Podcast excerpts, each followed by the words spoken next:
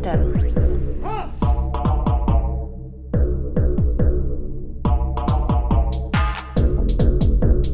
Berätta inte för mig om det svenska klassamhället.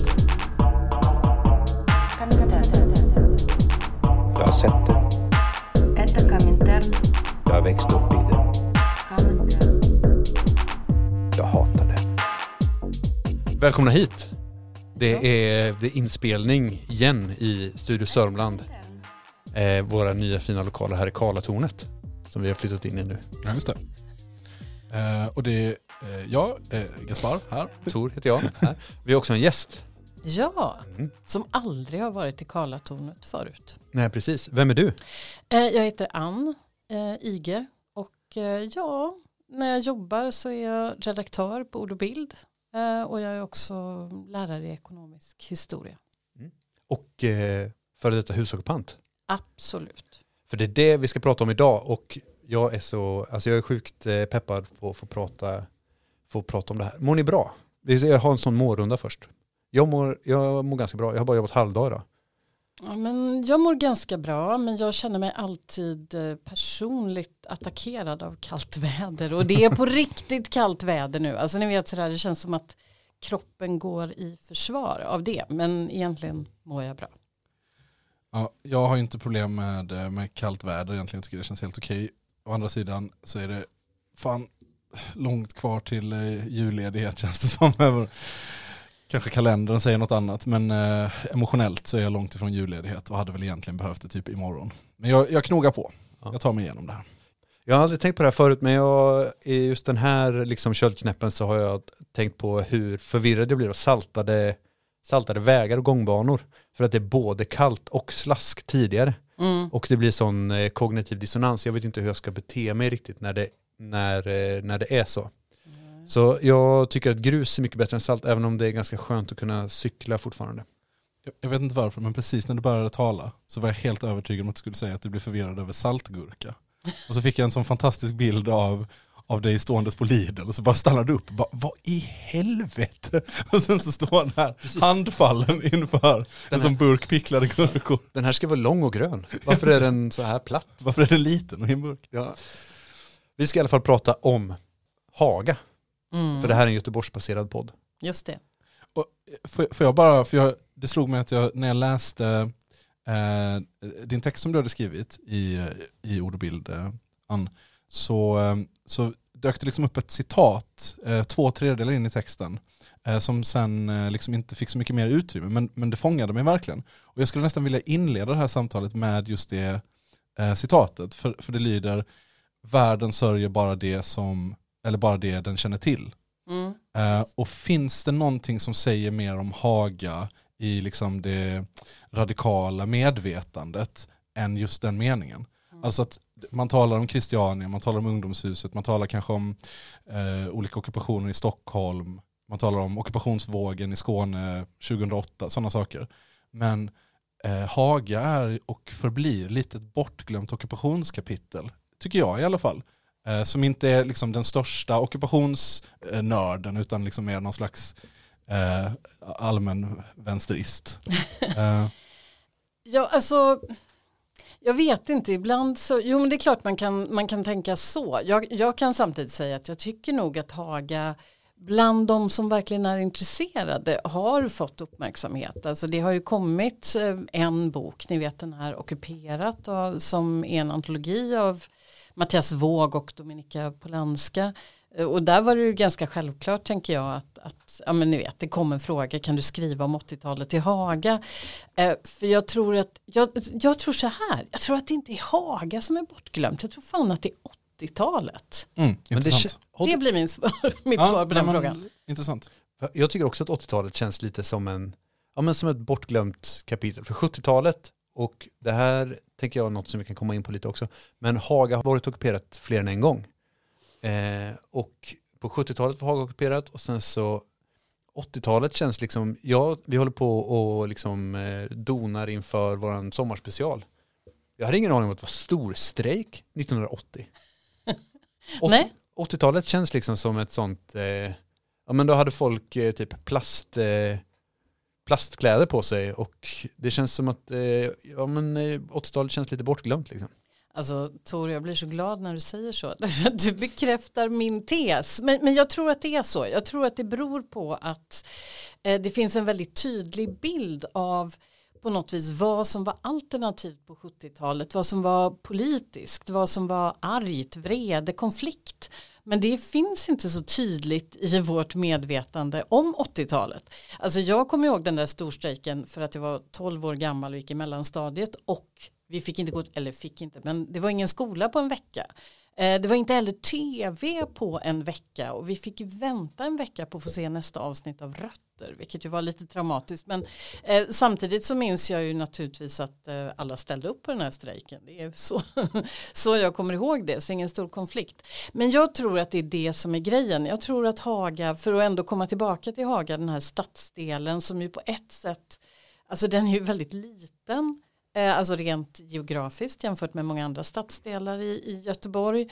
Eh, och, och det är ändå så att det finns många som vet någonting om det, som kan någonting om det. Men den där med, med 80-talet är en sorts liksom mellanspel mellan olika, och ska man få sådär lite flummigt så kan man säga berättelser, men det är liksom mellan olika sätt som, som det där är en stad och en del av stan.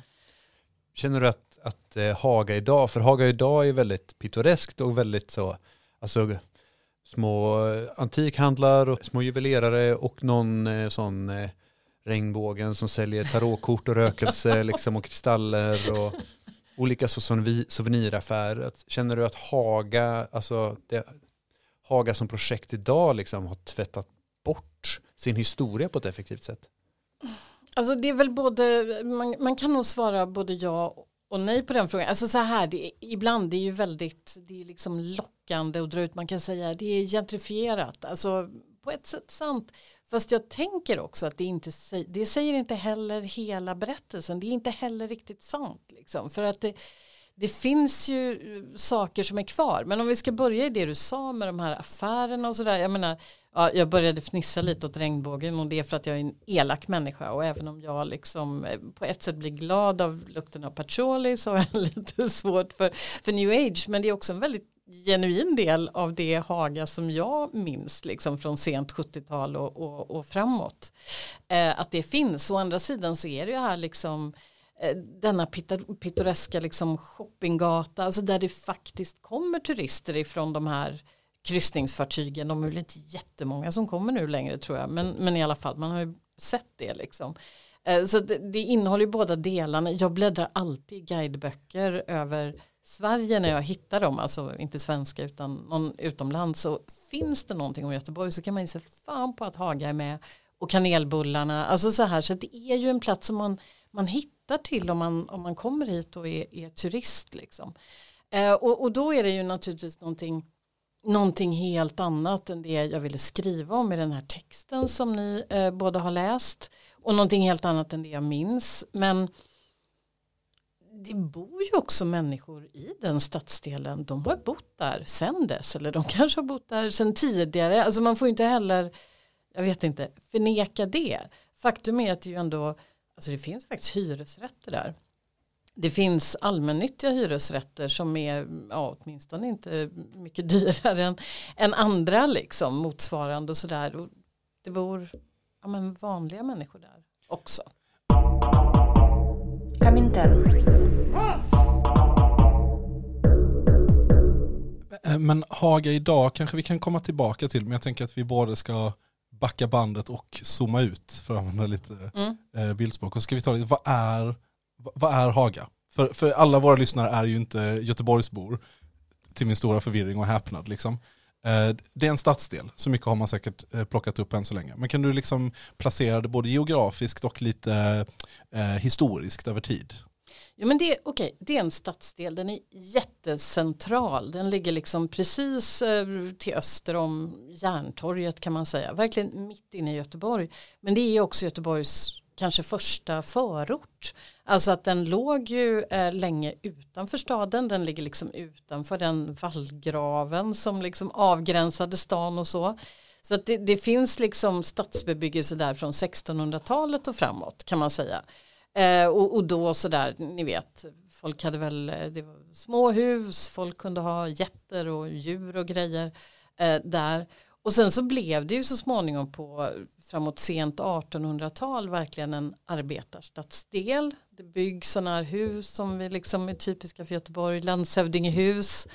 Eh, men, men ja, så att det, det är, då var ju det en stadsdel full med folk. Och som jag tänker en, en kamrat till mig och som också är kollega, alltså jag vill bara säga det, eh, sociologen Håkan Törn som faktiskt har skrivit en fet bok där han jämför Haga och Christiania, boktips till alla. Och den boken heter Stad i rörelse. Så, men jag tänkte på att Håkan också pratade med sina gamla släktingar och så här, folk som hade bott i, i närheten där, för till skillnad från mig så kommer han då från Göteborg på riktigt. Liksom. Jag, jag kom hit som barn. Um, och, och jag bara tänkt på det här hur han berättade, nu är ju nämligen stråket på något sätt som arkitekter säger, genom Haga, är ju lite liksom att man vill gå den här Haga Nygatan där alla affärerna ligger, från Järntorget till, till Hagakyrkan, eller tvärtom. Men då så när folk gick till arbetsplatsen och så, så gick man på ett annat sätt. Alltså man gick på tvärs, man gick liksom mer längs det som är Sprängkullsgatan och, och genom de gatorna till en massa aktiva verkstäder och, och andra och, och, de som åkte till fabriker och så vidare. Alltså att man rörde sig på ett annat sätt. Så ja, det är väl en sån här, verkligen en gammal arbetarstadsdel fast med liksom typ affärer, hantverkare, sådana där grejer också. Förlåt, det är historikern i mig som, som håller på nu. Uppskattas enormt. Jag vet ingenting om Hagas historia. Så ja, eh, en arbetarstadsdel fast också liksom, ja, en stadsdel med annat i.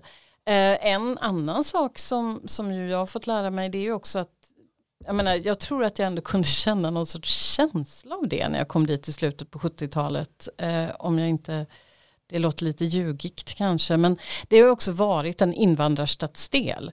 De, när det kom liksom judiska invandrare till Göteborg i slutet på, på 1800-talet, mycket från Ryssland och pogromer i, i liksom, ja, tsariska, eh, alltså så de flesta bosatte sig i Haga för att det var där eh, det var billigt att bo. Det var där man liksom kunde börja, så det fanns verkligen en, en sån, tror jag också, det här med att det liksom strömmade in folk från förstås andra delar av Sverige, kanske från Sörmland, vad vet jag, och, och liksom från utifrån.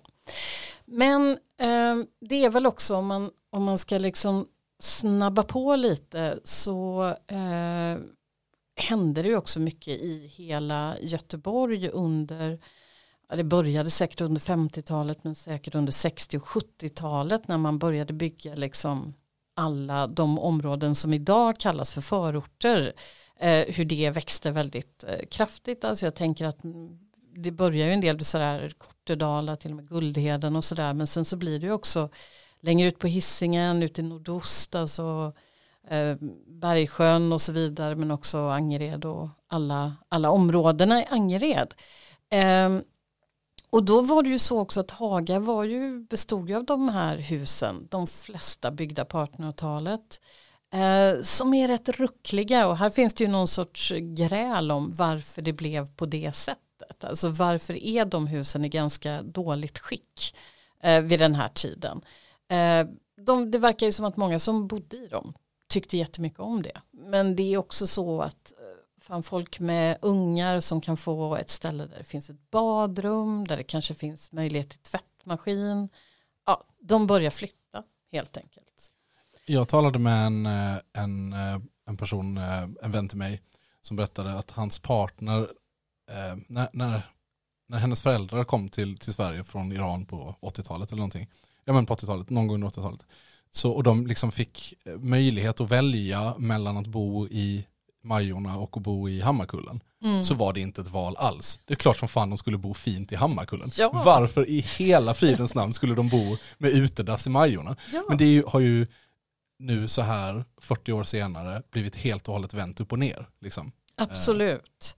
Så då, när de gjorde det valet att inte flytta dit, eh, till Majorna i det fallet, eh, men det liksom kunde ha varit några andra ställen också, även om det kanske var ännu tydligare på på 70-talet så valde de ju de, det moderna liksom.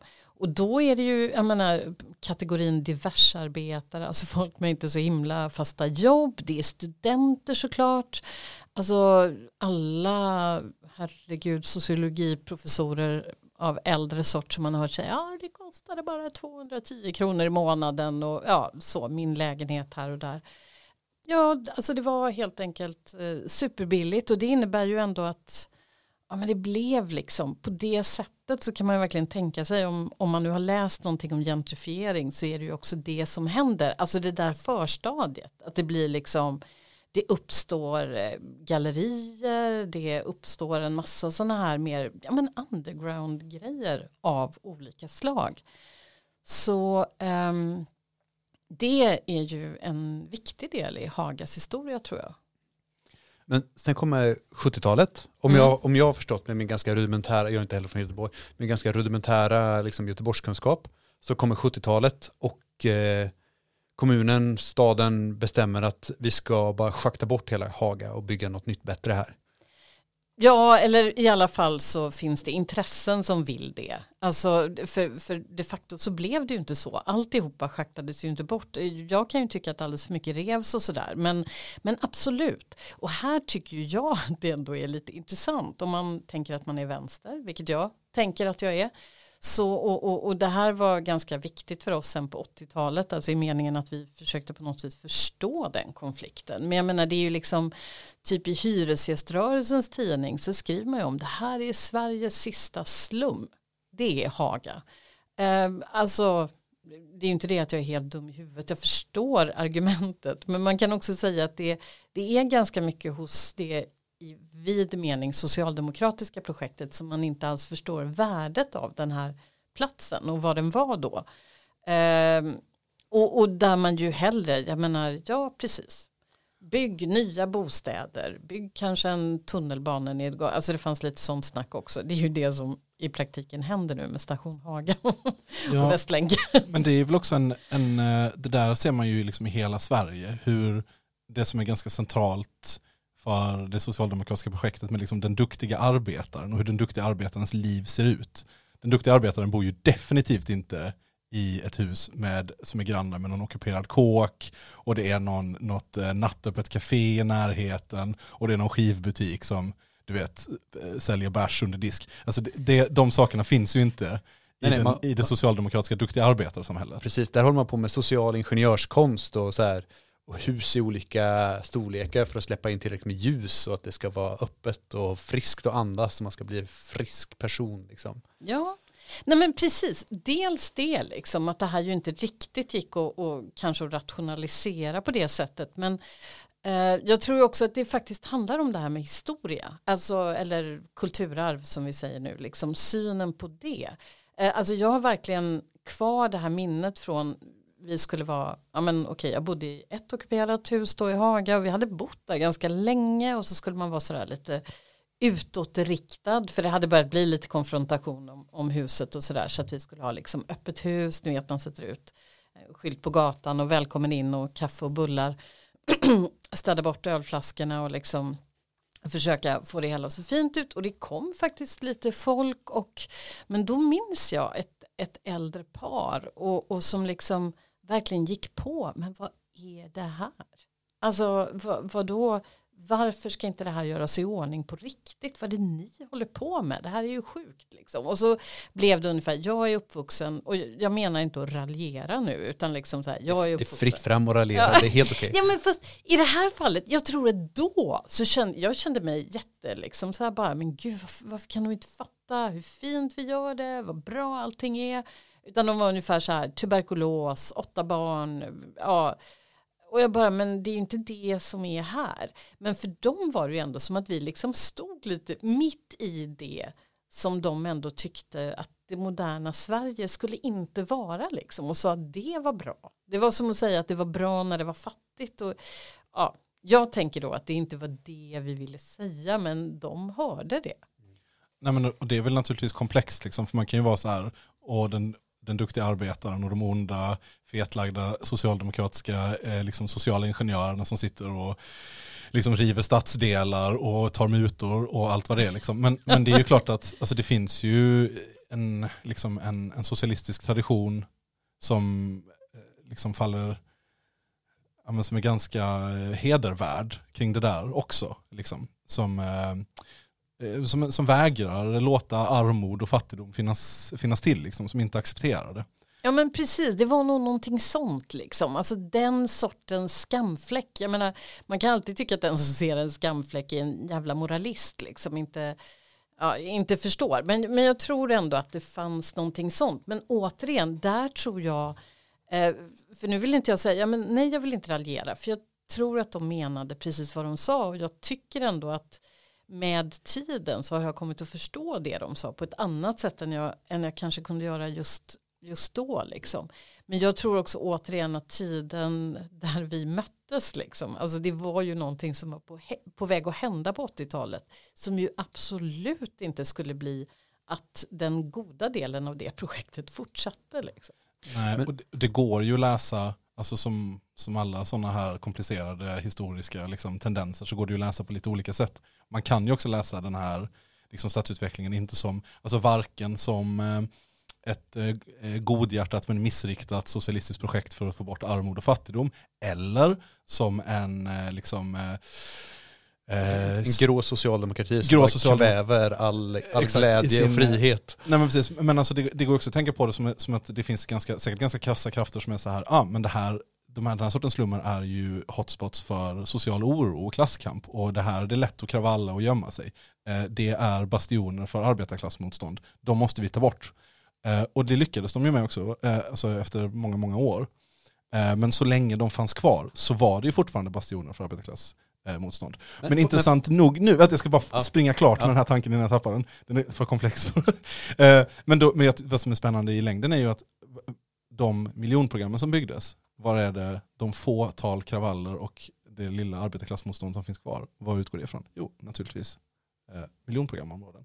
Så att det, det är hela tiden eh, den eh, liksom klasskampens judo, att eh, man liksom tampas fram och tillbaka eh, kring det. Jag, jag, skulle vilja, jag skulle vilja backa bandet. Ja. Eh, jag, skulle, jag skulle vilja komma tillbaka till 70-talet. För visst Mm. är det så att Haga ockuperas en gång på 70-talet också? Ja, alltså till att börja med så tror jag att det där med en gång. Eh, ja, framför allt, så här är det. En sak som är jätteviktig i början på 70-talet, eh, jag, kan inte, jag kommer inte ihåg datumen, de är lätta att typ slå på Wikipedia eller någonting, men, men det är ju att det blev den här ockupationen av Hagahuset. Eh, som ju blev otroligt viktig och där blev det ju kravaller och grejer. Och, och, men det var ju en sån här verklig, ni vet, allaktivitetsockupation. Eh, ockupation. Eh, med väldigt intressant eh, koppling till både liksom staden först, alltså där faktiskt eh, fritidsförvaltning och lite annat, eh, men liksom var med och stöttade från början det här med det här huset.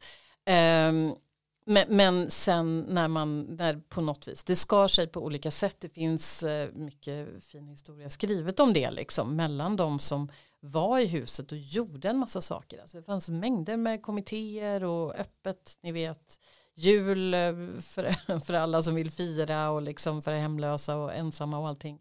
Eh, och, och liksom konserter och saker som händer. Det här är ju verkligen Göteborgs eh, progg och Göteborgs aktivism liksom som är, ja, tror jag jätteviktig. Det hände ju i början på 70-talet. Det hade också varit en husockupation tidigare som, som liksom inte var en sån här allaktivitetshusockupation direkt.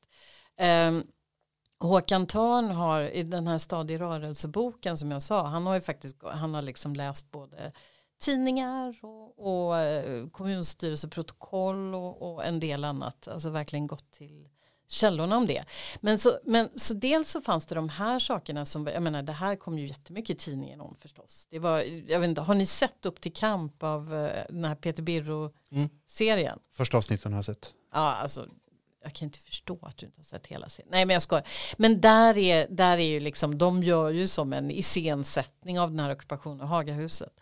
Men jag tror att man också ska inse att förmodligen så pågick det ju en del andra ockupationer som bara inte var av, ni vet, sorten med man hänger ut en banderoll, utan mer just det här att, ja, vem är det egentligen som har kontraktet på den här lägenheten? Är det någon som betalar hyra?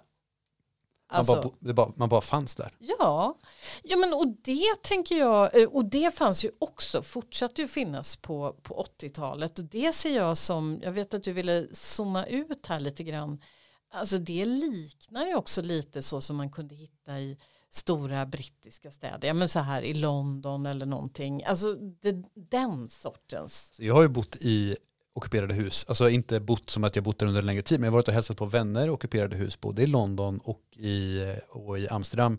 Och det har ju aldrig varit någon, det är ju inte så att, att eh, det är någon, eh, någon, att de gör någon grej av det, utan det är bara att folk råkar bo där och betalar ingen hyra och det är ingen som kanske har så bra koll liksom. Mm, ja men precis. Och jag menar jag, jag fick liksom lära mig och det är väl uppenbart att det kanske är så att det här blir en större grej faktiskt i då länder som verkligen var med i andra världskriget och där det finns liksom en, en röra när det gäller åtminstone i vissa områden, men fan äger det här egentligen liksom. Alltså det bli, kan bli den sortens grej eller det kan ju handla om fastighetsägare som jag menar så för tillfället så vill inte de göra någonting av det kapital de äger så de låter det vara de låter folk vara där och i många av de länderna så fanns det också någon sorts sån här ja men har, har man varit där i x antal dagar, år, vad man nu mäter i så kanske man ändå får en viss besittningsrätt liksom och, och, och sådana här saker. Men jag tänker att det som hände i Haga här var ju liksom en, en liten variant av det. Inte med de rättsliga bestämmelserna men att ja, ett område som lite lämnades i fred. Så därför tror jag att det fanns fler ockupationer än vi vet om.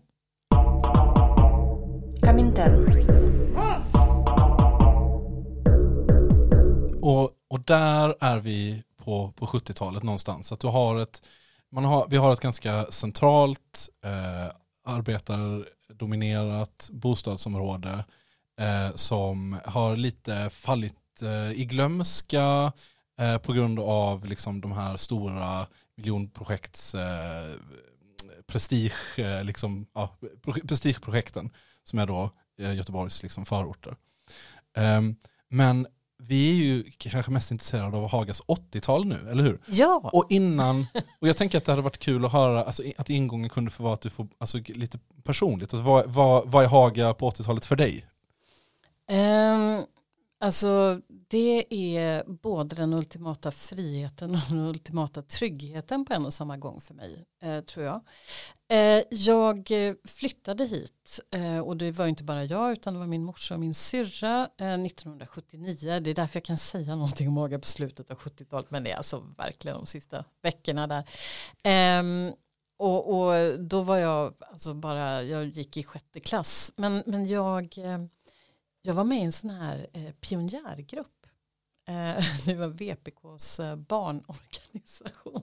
Mina grannar var vpk och jag blev helt, alltså jag läste Väinö Linna och liksom sådär, blev helt tagen och de slussade mig till en pionjärgrupp. Och de som vi hade den hos, de bodde på Tredje Långgatan så att jag gick liksom uppifrån Guldheden där vi bodde i tjänstebostäder för Sahlgrenska till Tredje Långgatan och det var då jag passerade Haga så att jag tänker säga att jag liksom och jag har skrivit om det här men jag tycker att det var så otroligt speciellt därför att när man gick in i Haga så blev det tyst.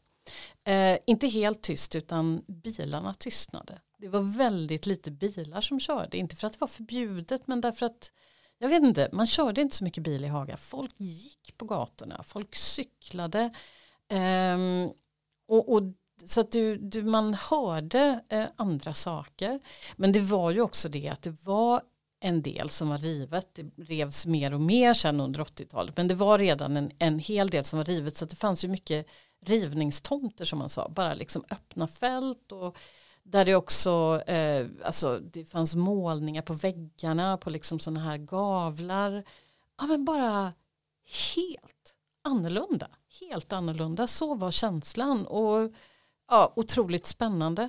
Men, men det var liksom, då gick jag ju ändå bara fram och tillbaka där och jag kände inte riktigt någon som bodde där. Eh, min bästa kompis morsa blev ihop med en grymt skum snubbe som bodde. så då var vi hemma hos honom några gånger. Eh, och sen så eh, fanns ju Sprängkullen där. Eh, och det hade ju funnits sedan 70-talet. Det var ju inte en ockupation, det var ju den här föreningen Ett hus i centrum. Alltså Sprängkullen, vad säger det er? Ingenting. Jag, Är det sant? ingenting. Åh, Mer än att jag vet att Sprängkullegatan finns. Ja, det gör det ju. Eh, nej men, eh, det började som ett ställe, ett, ett allaktivitetshus som man säger. Egentligen låg det faktiskt nere vid Avenyn från början tror jag, det här som hette ett hus i centrum. Men i alla fall på 70-talet någon gång, och det är någon annan som kan berätta den historien. Men så, så fanns det där där det nu ligger typ statsvetenskapliga institutionen om man vill. Ni vet när Vasagatan liksom dundrar in i Haga. Eh, den tar slut där, det är Handels och sen så ligger liksom statsvetenskapliga institutionen och sociologi och allt möjligt. Där låg ett sex våningar högt stenhus som var fullt med eh, föreningslokaler, alltså FNL-rörelsen hade sina lokaler där, musikrörelsen, det fanns en tidning som hette Musikens makt eh, och längst upp så fanns det ett spelställe och det hade redan innan varit ett sånt här dansställe eh, som väl hette Virvel tror jag. Jag kan, ja, det här är, nu är det liksom 60-tal då när det heter det. Men nu är ju det här ett sånt ställe där liksom, ja men proggen verkligen, alltså spelar och det är mycket fester och Nu, konserter. nu alltså nu på 70-talet. Nu, Nu på berättelsen. 70-talet. Men då kommer ju också en av de första punksammanslutningarna alltså när det gäller musiken som hette Garageligan. Eh, som var liksom en sammanslutning av band. Eh, och de började också ordna, eh, ordna spelningar uppe på Sprängkullen, hyra in sig där. Så att 1980 så vet jag att eh, jag och min bästa kompis, vi var supertöntiga eh, småungar då, eh, Jag tror att det var för att hennes morsa var på ett möte hos någon solidaritetsorganisation i huset. Så hamnade vi i alla fall uppe på en spelning med Knugens Hof och Slobobans undergång. Eh, och, och liksom, nej, det var så coolt så jag vet inte vad jag skulle ta vägen. Och det var liksom mina första möten. Och sen när jag började eh, bestämma mig för att jag skulle bli punkare, det var verkligen så här, ni vet, tre tjejer klipper håret av sig i, i hemma i vårt badrum och eh, sådär.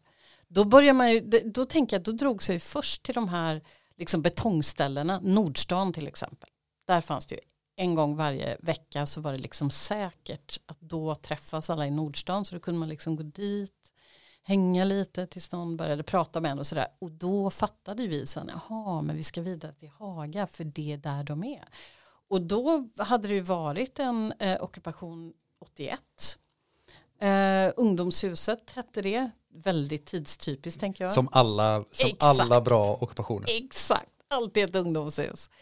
Eh, som hade varit där och det, men då, det var liksom Haga är ju en plats då både med de här hålen, de här rivningstomterna och eh, samtidigt hus fulla med liksom herregud man vet inte vad.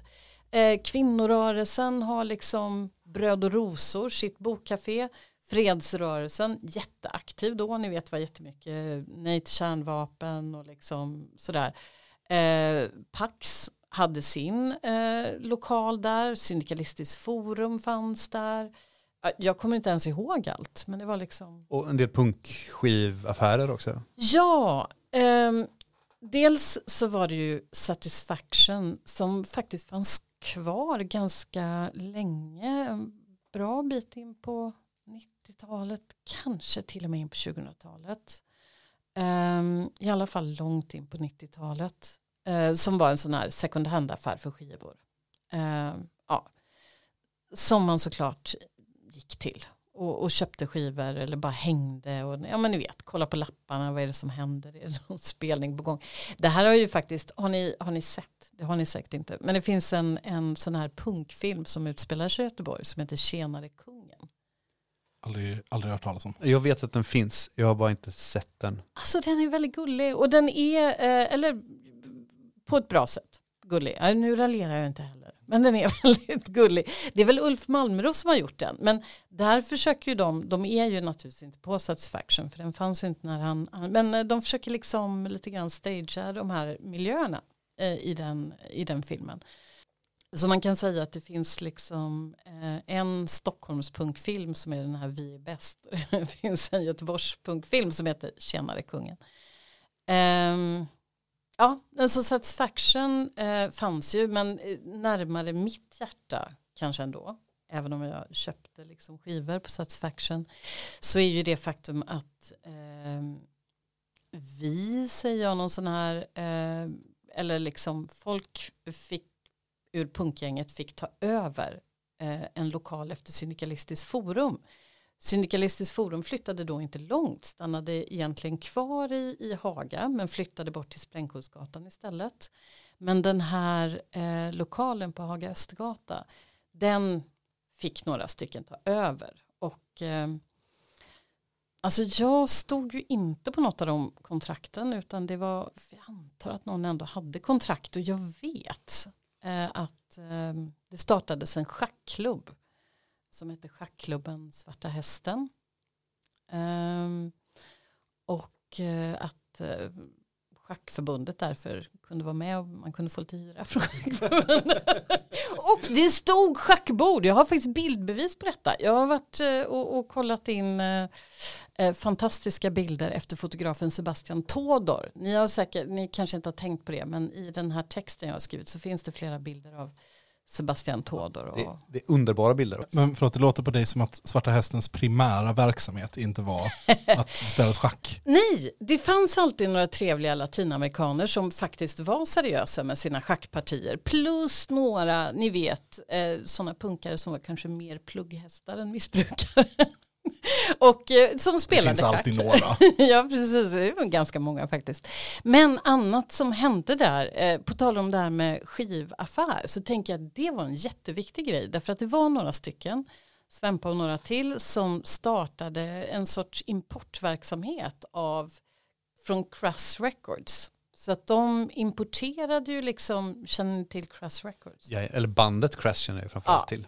Ja men bandet Crash, men Crash Records de gav ju också ut andra, alltså man kallar det för anarkopunk liksom. Det var ju nästan bara väldigt politiskt medveten musik på olika sätt så att det var ju Crash egna grejer men det var liksom Conflict, Flux of Pink Indian Sounds, eh, ja, jag kan inte komma ihåg allt.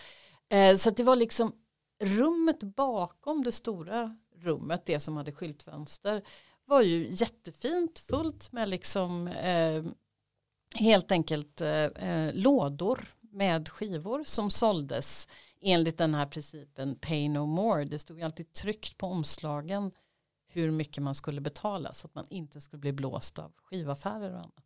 Så där A-records kallades de för och det var ju helt centralt för att slussa in den här musiken i Sverige. Jag, jag blir lite nyfiken när, för du nämner det sitter en, en liten eh, klick eh, latinamerikanska farbröder och vi har precis talat om eh, Eh, hur eh, en klassisk eh, liksom Haga progg-lokal går över till att bli en klassisk Haga punk-lokal. Eh, så det låter lite som att det finns liksom tre socialgrupper här. Du har eh, 70-talets progg, eh, ockupantrörelse, du har 80-talets punk, ockupantrörelse, eller ja, kulturrörelse ska man väl säga i båda de här fallen. Eh, och, sen så, och sen så kanske det också finns kvar då som vi talar om, folk som liksom bara alltid har bott där för att det är fortfarande en plats där folk bor. Ehm, Eh, eh, A, tycker du att det är ett rimligt sätt att, att kategorisera det? B, hur funkar det här tillsammans? Precis, hur går den fredliga samexistensen till? Finns den? Ja, jag tycker att du beskriver det på ett eh, rimligt sätt faktiskt. Och jag, jag tänkte illustrera det med, jag menar okej vi kan ju säkert hitta exempel på eh, Eh, folk som typ hatade alla både proggare och, och andra skumma drägg som man tycker fanns där. Men, men under 70-talet, jag ska bara säga också, det fanns ju en väldigt stark rörelse. De, det fanns det här som hette Hagagruppen eh, som ju bestod, bestod mest av folk som bodde i Haga men säkert lite andra också som liksom jobbade på det här med att området skulle bevaras som ju var väldigt lokalt förankrat men också mycket typ arkitektstudenter.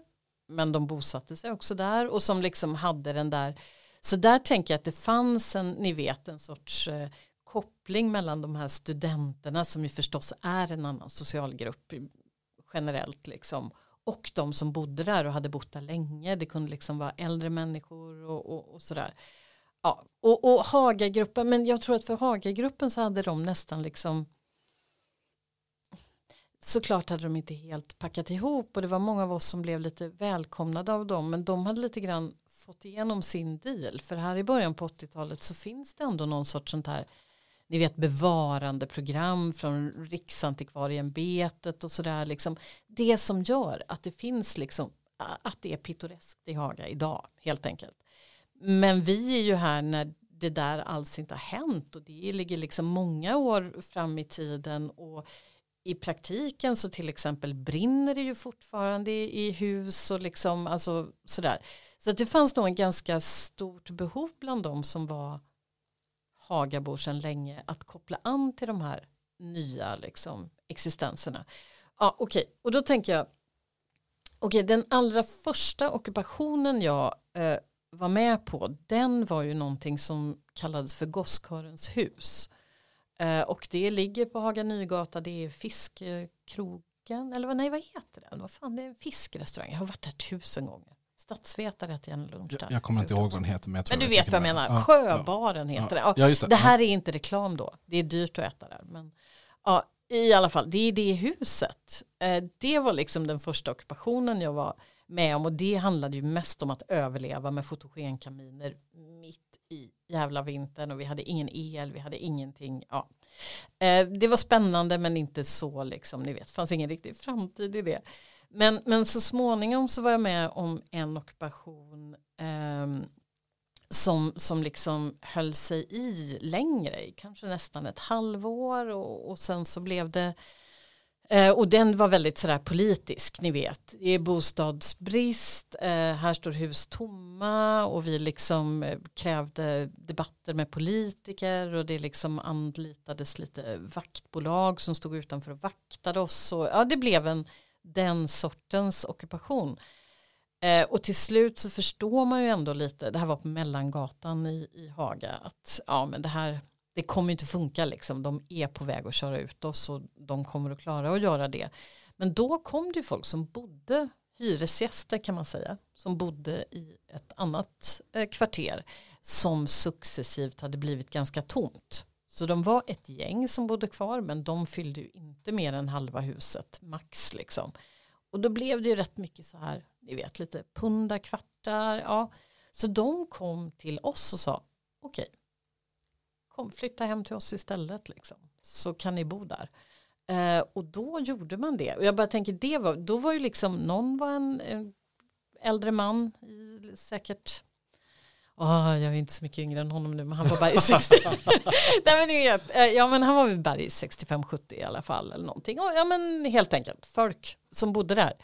Eh, och det blev ju en väldigt liksom intressant sammansättning och säkert var det ett skäl till att vi bodde i det huset i nästan två år. Alltså på olika sätt ni vet att, att båda att från början så de som ägde huset kanske ändå oh, alltså det är typ lite jobbigt men, men liksom låt dem vara där så länge. Sen blev det ju mer konfrontativt men då fanns ju hela tiden den här situationen att det bor ju också hyresgäster där som de ju inte riktigt kunde behandla hur som helst. Och så.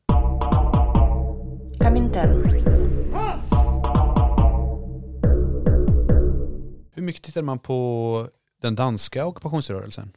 Var det någonting som man, eh, hade ni kontakt med, med Danmark och tog ni inspiration från Danmark och det blir naturligtvis en väldigt annan ett väldigt annat utfall liksom. Men eh, hur mycket fanns liksom den danska BZ och tyska också för den delen, den danska eh, BZ liksom från längre ner på kontinenten i ett medvetande? Jo men alltså fanns i vårt medvetande gjorde det allt. Eh, nu kan man ju inte, alltså jag pratar ju lite om vad jag, vad jag vet även om jag tänker att vi hade mycket möten och sånt så lite grann hängde man ju med om vad andra visste. Särskilt med Danmark så hade vi ändå en del kontakter och sen var det ju folk som åkte också till Hamburg och Hafenstrasse och, och sådär. Men särskilt Danmark fanns ju väldigt tydligt i vårt medvetande och det var ju också så, men man åkte ju dit. Eh, vi åkte ju till Rysgade och ja, ungdomshuset som ju var kvar väldigt länge liksom. Men, och eh, det var väl på många sätt, jag menar jag vet inte, jag kanske aldrig har drömt så romantiskt som när någon liksom berättade historien om hur de grävde en tunnel, ni vet, så när liksom polisen kom. Så Klassiker. ja, absolut. Underbart.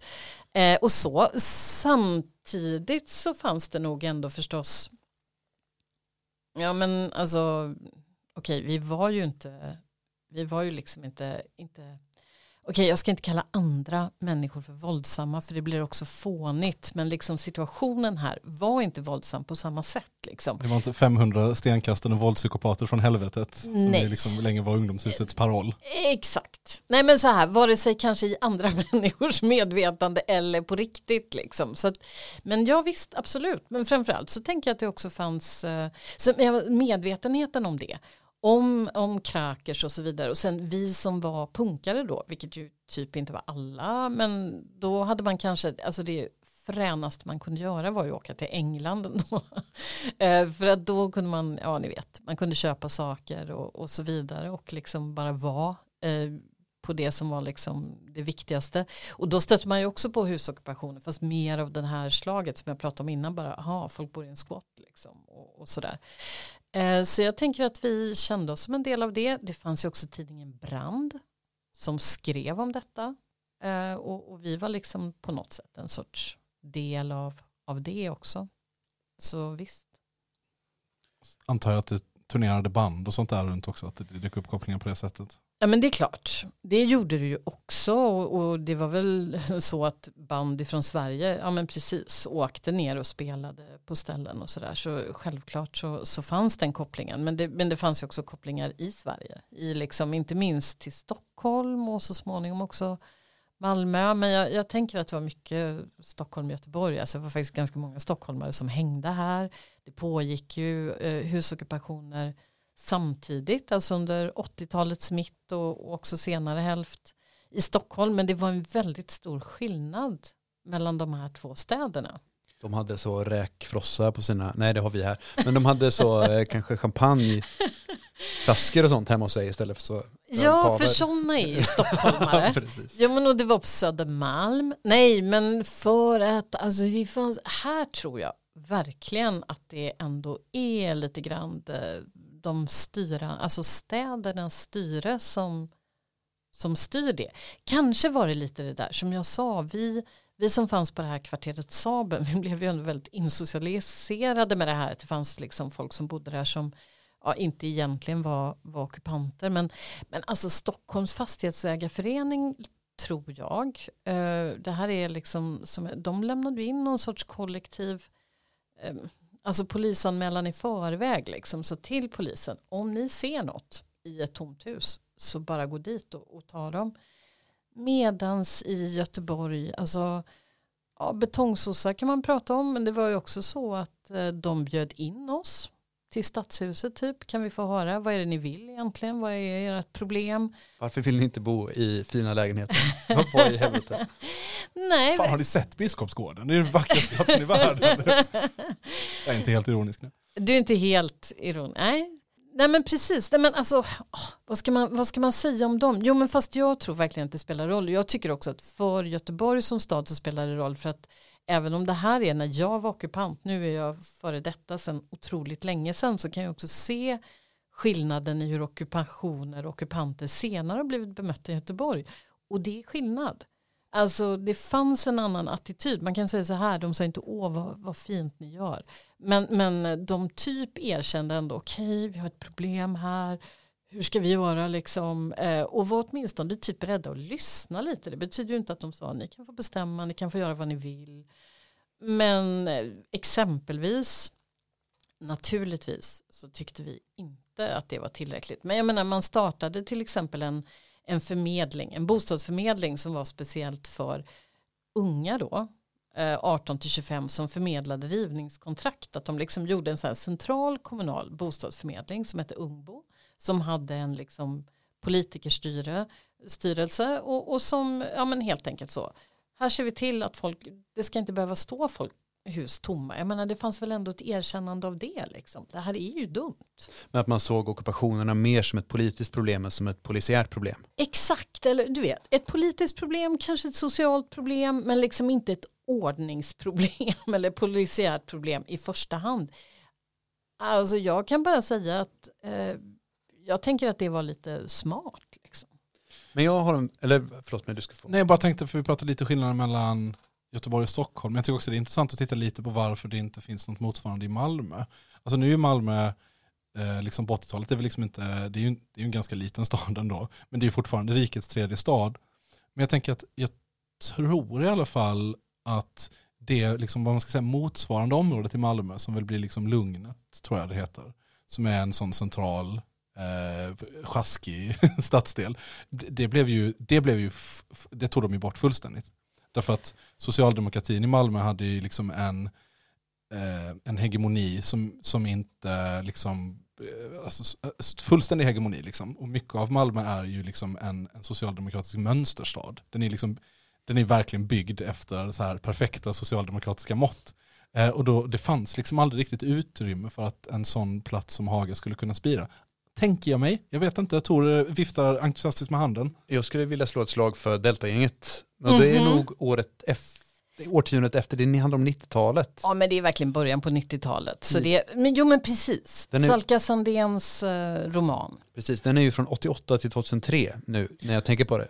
Eh, och då pratar de ju om Borgen som var ett ockuperat hus i Malmö. Just det, men då är det ju lite senare. Då snackar vi, Precis. vad, den, 90-tal, mitt, mitten mitten av 90. 90-talet. Precis, och då, för då händer det ju lite andra grejer. Liksom. Men att det inte växer fram en, en, en eh, jag vet inte, för att använda ett eh, ofta slitet och illa tilltygat begrepp, liksom en bohemisk stadsdel i Malmö på det sättet. Utan det blir en, det blir en fucking borg på 90-talet med, med hårdföra, eh, liksom, i alla fall, som vill projicera en bild av och se- ser sig själva som en del av en politisk rörelse som är våldspsykopater från helvetet. Liksom. Vi ska slåss för den här. Eh, snarare än att det är liksom, eh, ja, lite, lite snea golv och, och mycket rödvin. Liksom. Alltså jag, så här är det, det, det, är liksom, det är fan sorgligt i mitt liv men jag kan så lite om Malmö. Jag tycker det verkar vara en jättetrevlig stad och jag har varit där. Men alltså jag, jag känner helt enkelt att jag är, jag är tyst här. Jag tycker det låter lite som att du kanske har en lite sydlig. Ja men visst är det så. Visst Ja. är det så. Mm. Poddens sämst bevarade hemlighet. Ja. Men det, det, det är ju så att vi är ju ingen av oss tre då infödda göteborgare men ja, det är ju, jag, jag har tagit mig an identiteten med hull och hår. Nej, men så att jag, jag vågar inte säga någonting om det. Men det kan finnas en massa intressanta spaningar att göra här. Det, det tror jag. Det kan också finnas en massa intressant upprorisk arbetarhistoria i Malmö som jag helt enkelt inte känner till. men Eh, det det får man väl alltid hålla öppet för. Hade man en idé om att den här ockupationen i Haga skulle spridas? Ville man liksom ockupera fler hus? Och i så fall hade man någon plan för hur det skulle gå till inom ockupationskollektivet? Ja men det skulle jag väl säga och det blev ju också en, en spridning. Alltså när jag pratar om det här kvarteret Saben, det vill säga dit där vi blev inbjudna så att säga av, av folk som bodde där. Eh, så ett drygt år senare eh, så, så var det också så att det blev väldigt tomt i ett eh, stort stenhus. Annars tänker man ofta Haga, de här låga delvis trähusen och sådär. Stort stenhus som ligger där om man nu är i Göteborg nu för tiden så finns det eh, en akutmottagning tror jag, eller heter, det är inte en, en vårdcentral, typ Cityakuten heter det. Och. Jaha, Accessakuten. Accessakuten, exakt. Ehm, där på den tomten så låg det ett stort, mycket större liksom, eh, stenhus. Eh, kvarteret Kruthornet och eh, det ble, där bodde det ju folk men det skulle rivas så då tömdes liksom det och då hade ju folk fått nys på det och det är klart vid det laget så det var ju fler som ville bo där vi bodde än, än som fick plats liksom så att självklart började började de tankarna då att man skulle kunna flytta dit också. Eh, innan dess så hade det också varit så jag tror att det var innan dess. Nu, nu är det också så här att ja, men det kan hända att någon säger nej, det var två månader efter. Det är möjligt. Men, men i samband med det så var det också så att det här Sprängkullenhuset som jag pratade om, det som också är rivet, där då statsvetenskap och så vidare ligger nu, eh, de husen blev också tomma inför rivning och då var det också folk som var där inne och, och ockuperade och så. Men, men framförallt Kruttornet som var ett riktigt stort hus blev ockuperat och det var ju en, en planerad, liksom, eh, planerad aktion där vi gick in där någon gång mitt i natten. Och, Steg och kofot liksom. ja, ja, exakt. Och det var ju en, ja det var en väldigt speciell känsla kan man säga. Jag, jag bodde ju egentligen aldrig där, jag var med liksom i själva det men jag bodde ju redan på det andra stället. Så, eh, men jag var med den där natten och eh, tillbringade ju en del annan tid. Men det, eh, ja, man, ibland kan man ju förstå eh, fruktansvärda kolonisatörer. Alltså när man liksom bara går in. Det här, det här är vårt. Allt är mitt nu. Ja. Men man får ändå säga det att för, för de av våra lyssnare som ju tyvärr säkert är majoriteten utan att uppmana till brott så kan man ju säga att känslan det innebär att krypa in någonstans med genom steg och kofot och sen så tänka nu är det här fan mitt, kosta vad det kosta vill. Eh, den kan man inte riktigt köpa för pengar och den som inte har fått uppleva det eller ska jag säga så här för att jag inte vill uppmana till brott det finns ingen jag missunnar den känslan. Eh, Nej men och jag, okej, och låt oss hoppas på ett samhälle där det då kunde, eh, kan upp, alltså upplevas på olika sätt. Och, och i det här fallet då, eftersom det finns så mycket annat, jag känner verkligen hur verkligheten idag liksom tränger sig på min hjärna och allting jag tänker. Jag menar, vem vill använda begreppet eh, Eh, bosättare och så vidare. Men det finns ju där och begreppet ockupation, ja, det finns där. Det, det, det finns ju någon likhet naturligtvis, men okej, eh, ingen annan fanns där när ni kom in, ingen annan skulle ha varit där i, istället för det. Och, eh, men det är en, en speciell dynamik, en speciell känsla, så är det. Och i det här fallet så är det ju, om man bara tittar i ett, i ett maktordningsperspektiv liksom, så är ju de här, alltså att ockupera hus Göteborg på 80-talet, det är ju, då kommer man ju från väldigt lite makt. Till skillnad från om man, om man eh, är från Brooklyn och bestämmer sig för att jag ska, jag ska bo på en bergstopp på Västbanken och har hela den israeliska armén i ryggen så har man ju tvärtom väldigt mycket makt i förhållande till de som har något claims på, den här, eh, på det här landet. Liksom. Ja, jo, precis. Ska vi tala lite om, för nu har vi talat väldigt mycket om det, det fina och det bra. Ja, Men det kommer ju, det tar ju sin ände i förskräckelse. Nej, nej men det tar ju slut. Eh, vad händer, hur, hur tar det här slut? För det här är ju inte Haga som vi känner idag. Haga idag är ju kanelbullar och turism liksom. Eh, jag eh, börjar det lilla och kanske zooma ut då. Dels är det så här att de här ockupationerna faktiskt eh, tar slut. Eh, dels eh, så hela det här stora eh, huset Kruthornet då, det blir faktiskt eh, utrymt av polis och, och ja, men folk blir helt enkelt avhysta. Och det huset där jag bodde då, Saben som låg på hörnet Haga Östergata och Sprängkullsgatan så ja, till slut så blev det ju helt enkelt så. Jag har verkligen det här minnet av när en av cheferna på HSB liksom kom in på gården, ställde sig och bara, nej men alltså, nu får ni lägga av. Nu får ni lägga av. Ni, ni måste, nu ringer vi polisen, det här ska liksom, det här ska upphöra. Det var nämligen så att HSB hade köpt fastigheten och det är ju numera bostadsrätter. Eh, och, och efter det så blev det sen tydligt att okej, nu, nu måste vi, de stängde av elen i halva huset för det visade sig att i halva delen av fastigheten så kom de ändå fram till att där finns inga hyresgäster, där kan vi stänga av elen. Vi började dra liksom, ni vet, kablar över gården och så vidare så att man ändå skulle ha el. Så det liksom höll på sådär. Eh, men så eh, en dag, och, och vi, men vi bara inser vi måste börja låsa dörrarna, vi måste börja ha vaktlistor. Alltså innan dess hade det faktiskt varit så att man kunde gå ut och in och, och folk jobbade och pluggade och, och, och sådär. Um, men, men då blev det så, vi liksom parkerar bilar som någon sorts barrikader i, i liksom eh, portgångarna och sådär för att, för att få det hela att eh, hålla ihop. Eh, och, och så eh, gjorde vi också en sorts aktion ute på gatan, jag vill bara säga det ändå för att det var ganska fint, alltså ockuperade gatan utanför och liksom stängde av Sprängkullsgatan. Eh, ett tag först innan vi stängde av så hängde vi ut banderoller tvärs över gatan, och så fäste i lyktstolpar där det stod så här tuta för bostäder. Alltså det här var ju ändå ganska känt i stan att det höll på, så folk visste ju ändå om att det var en husockupation, väldigt många. Så det var ett jävla liv faktiskt. Tutande, det var ganska roligt det här med att få folk att liksom uttrycka ja, men någon sorts, inte vet jag om det var stöd eller bara liksom, ja, de gjorde det i alla fall. Och sen så eh, blev det som en ockupation ut på gatan. Och sen kom kravallpolisen. Eh, och, men då röjde de ute på gatan. Men vi blev liksom kvar inne i huset. De gick inte in i huset. Och sen så var det liksom några dagar, jag kan inte säga nu hur många dagar, men, men jag kommer verkligen ihåg, och det här är för mig någonting om hur saker och ting slutar, att ja men ni vet, allt det där som hade varit så värdefullt. Så när, när det är barrikader överallt istället där folk har bott, när, när liksom Ja, det finns ju adrenalin i det, men det var ju ändå inte det, var inte det som var grejen. Det var, inte, det var inte därför vi var där. Och sen så blir det så här, ja men okej, jag måste faktiskt tillbaka till jobbet nu. Jag har varit borta i tre dagar liksom här för att, ja. Så till slut så blev det vardag igen då kommer polisen. Då var det väl bara fem, sex personer i hela huset tror jag. Det var liksom en, en vanlig förmiddag. Eh, och sen kom vi inte tillbaka in. Och sen var det slut med den ockupationen. Och Och den är liksom emblematisk på något sätt för hur de här ockupationerna föll.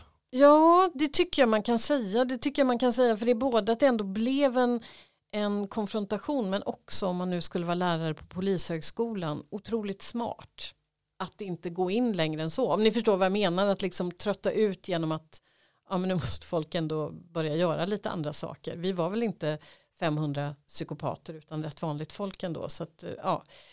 så då var det bara några stycken hemma, ja, de blev tagna till polisen och sådär men det var, det var ingen som blev satt på fästning för det utan snarare var det så att några fick SOS hjälpte till att betala typ ni vet något tillfälligt boende på vandrarhem och sådär för några som absolut inte sa att nej men jag, det finns ingenstans jag kan ta vägen och så. Och, och sen så, ja, sen så var det slut. Sen var det huset stängt för oss och sen brann det ner. Sen brann det. Och det är också, tänker jag, faktiskt eh, otroligt eh, sorgligt. Nu, det ser ut som att huset står där nu därför att det är faktiskt rekonstruerat. Men det är inte samma hus. Så när skulle du säga liksom att eh, eh, Haga som någon slags eh, ja, men, fristadsområde, när, när sä- sätter du punkt för den eran slutgiltigen? Alltså, saken är att efter det här så, så är det ju flera ockupationer till. Eh, men det är som att det inte blev några fler som var så här, ni vet att folk bodde. Att, att folk hade hela sitt vardagsliv där. Men det, det var ockupationer, det var ockupationen av det som kallas för tullen som ligger på hörnet till Järntorget som det var, det var ganska mycket uppmärksamhet och, och media runt det. Det var också ockupation ehm, av det som eh, då hette Hagateatern. Alltså det var en teater, eh, jättefin. Eh, teaterkompaniet eh, kallades det för. för. Så det, det var några till precis där i skiftet till 90-talet. Men, men då, nu är det också så här det här med datum och allting. Jag inser också hur ens personliga liv. Jag fick mitt första barn i februari 90. Alltså för mig var det lite slut med det då. Och det har ju inte att göra med alla andra. Sen så blev det ju husockupationer på Färjenäs. På Hisingen. Eh, som ju var någonting helt annat. För det var ju några eh, villor. Eh, som, Färjenäs den här lilla skymningssagorberget som ligger eh, ja. Jag tror, alltså som ligger precis vid älven. Liksom. Exakt, precis vid älven. Där det ju faktiskt också ligger några eh, landshövdingehus. Eh, som har en sån där riktig gammal historia. Ni vet att det var liksom en av de första Göteborgsbosättningarna egentligen var Färjenäs. Och då skulle, skjut mig om jag säger fel, men det var väl Eriksbergsvarvet. Alltså det skulle expandera så det hade ju bott eh, folk där. Faktum är att en av mina lärare när jag började plugga på universitetet som faktiskt är uppvuxen i ett av, ett av de husen där. Men då blev ju det ockupationer faktiskt. Och där finns det en liten minnesplakett. Mhm, Där får vi fotografera. Intressant. Ja. Ja men det är sant, det är sant, det står faktiskt om att som, som staden på något sätt har, har satt dit. Det finns också en, en roman, inte om ockupationen, men om Färjenäs som heter just eh, Färjenäs av en Göteborgs författare. Fanns Hagabadet under all den här tiden?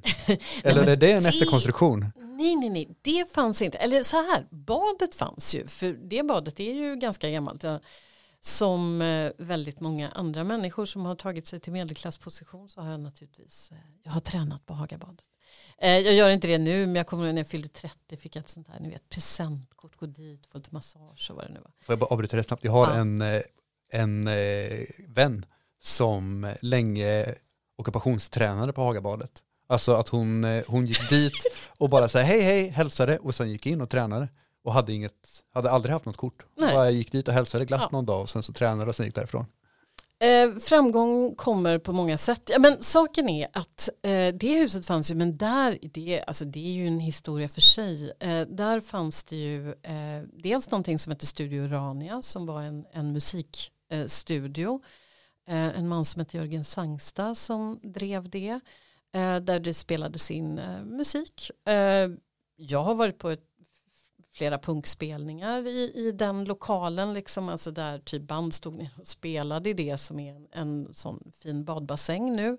Det var ju också så att, eh, vad heter de nu då, Radium, Lucky People Center, alltså det fanns många sådana här eh, mm, mer alternativa, eh, liksom, ja, eh, kulturaktörer i det huset. Gambianska klubben hade, alltså så att det, det hände jättemycket där. Fan vad coolt, det hade jag ingen aning om. Världen sörjer bara det den känner till. Mhm. Ja, eh, hur... Eh, nej jag vet inte, jag blir fan bara deppig av att tänka på hur jävla... Ja, nej usch, jag tänkte ska vi ta, säga någonting om typ gentrifiering och sånt där. Men jag, jag, istället blir jag bara sugen på, de jävla svinen har tagit det här ifrån oss, eller tagit de här möjligheterna att bygga ett samhälle på de här principerna ifrån oss. Eh, Det är var och ens plikt att kämpa emot med näbbar och klor på alla arenor hela tiden till sista andetaget för att försöka bygga någonting bättre. Gött. Vi, jag, jag kan tänka mig att avsluta där. Eh, tack så hemskt mycket för att du vill komma och, och berätta den här fantastiska historien för oss. Det har För varit att jag fick komma hit. Väldigt, väldigt intressant. sant verkligen. nöje. Gött, och eh, vi har lite också avslutande. Om man eh, vill komma i kontakt med oss och kanske ha egna berättelser om Haga eller eh, funderingar eller eh, så, så kan man mejla oss på kommentarpodd.gmail.com Vi har en Instagram som man kan följa. och sen så kan man ge oss pengar om man vill. Tjingeling! Peace! When I'm awake and standing on a frozen floor, I cannot speak and no one can see me no more. My mirror fades and spiders creep across the door, and nothing really means anything no more. When I'm asleep and standing on a kitchen floor, I'm in distress and captured by the creature's roar. A dinosaur is riding in my elevator, but I'm too dead to care about it anymore. We are the freaks who walks among you. We are the creeps who lives in vain. We are the freaks who walks among you. We are the creeps in your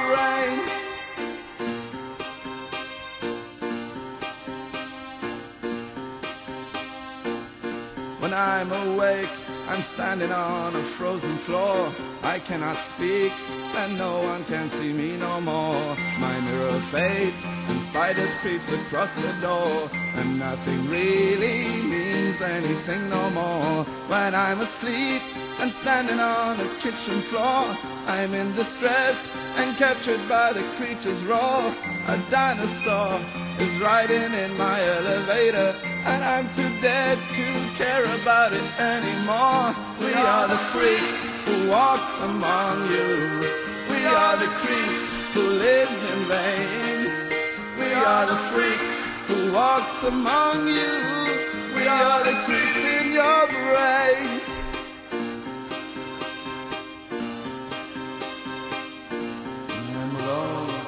Standing on a frozen floor. Cannot speak. No one can see me no more. My mirror fades and spiders creeps across the door. And nothing really means anything no more. When I'm asleep, I'm standing on the kitchen floor. I'm in distress and I'm captured by the creature's roar. A dinosaur is riding in my elevator, but I'm too dead to care about it anymore. We are the freaks who walks among you. We are the creeps who lives in vain. We are the freaks who walks among you. We are the creeps in your brain.